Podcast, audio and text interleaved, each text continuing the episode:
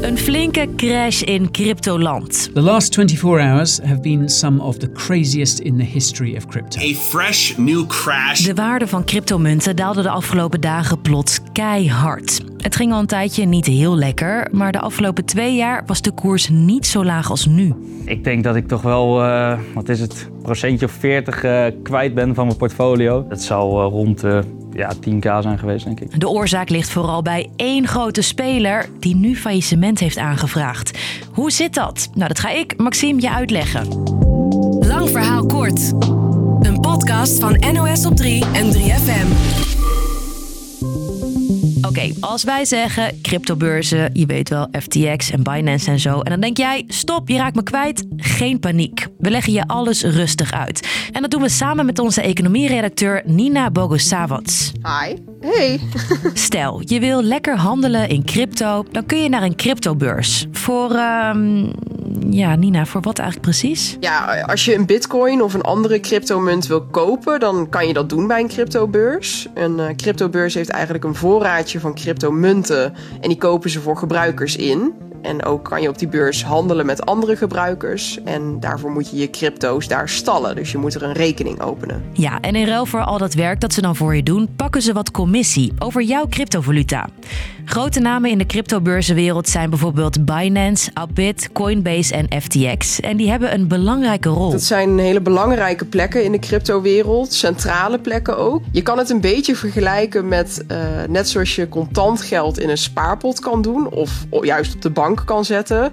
Zo werkt dat eigenlijk ook zo met uh, virtuele munten. Die kan je bijvoorbeeld zelf bewaren, dus bijvoorbeeld op je eigen computer of op een schijf, maar ook op de rekening van een cryptobeurs.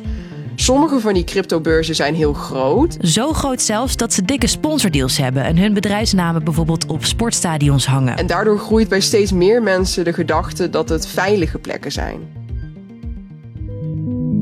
Maar ja, zijn die cryptobeurzen wel zo veilig? Als je het vergelijkt met een normale bank, neem een ING of ABN AMRO, moi. Ik zou zeggen, het grootste verschil tussen een bank en een cryptobeurs is dat gebruikers eigenlijk naar hun geld kunnen fluiten als er iets misgaat. Alle risico's liggen dus bij jou als gebruiker. Gaat een bank failliet, dan krijg je je geld terug, maar een cryptobeurs. Dan uh, vallen de goeden die je daar allemaal hebt uh, nergens onder. Er is geen garantiestelsel. Er is dus ook geen toezicht op van een overheid of een andere autoriteit. Geen garantie, geen toezicht. Dat maakt die cryptobeurzen misschien toch minder veilig dan gedacht. De reserves waar een bank bank zich aan moet houden, dat is vastgelegd, dat is wettelijk vastgelegd. Dat is niet zo bij een, um, een cryptobeurs. Er is dus geen enkele zekerheid dat het geld dat je er ooit stalt ook weer ooit terugkrijgt.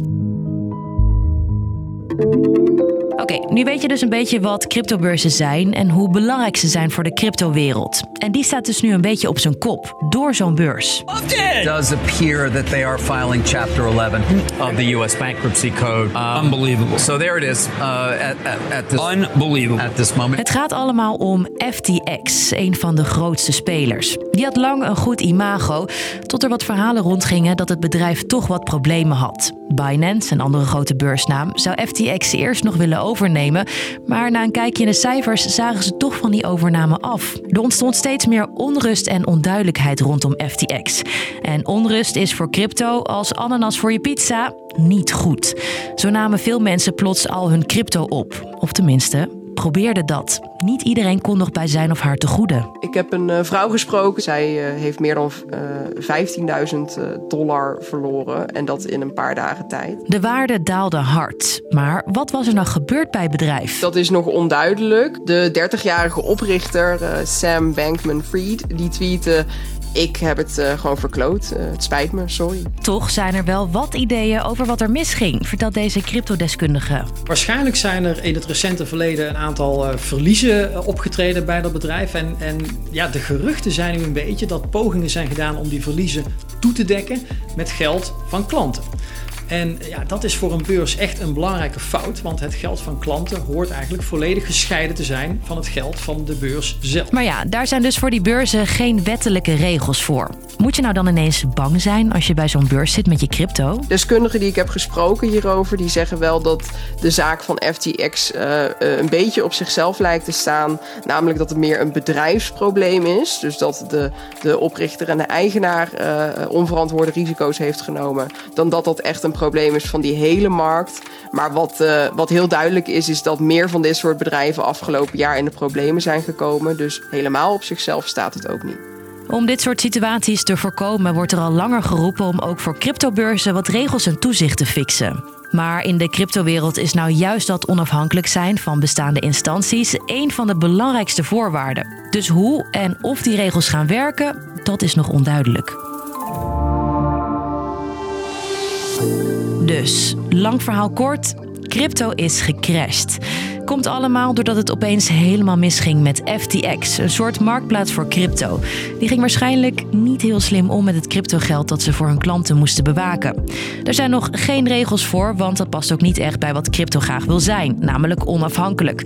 Maar waarschijnlijk komen die regels er wel aan. Nou, tot zover deze lang verhaal kort. Hopelijk was hij niet te cryptisch voor je. Bedankt voor het luisteren. 3FM. Podcast. Bizarre kleedkamereisen. Artiesten die te laat komen of soms helemaal niet opkomen dagen. Helaas is hij ziek geworden en heeft zijn dokter gezegd dat hij niet kan optreden. Maar niet getreurd, hij komt woensdag weer terug.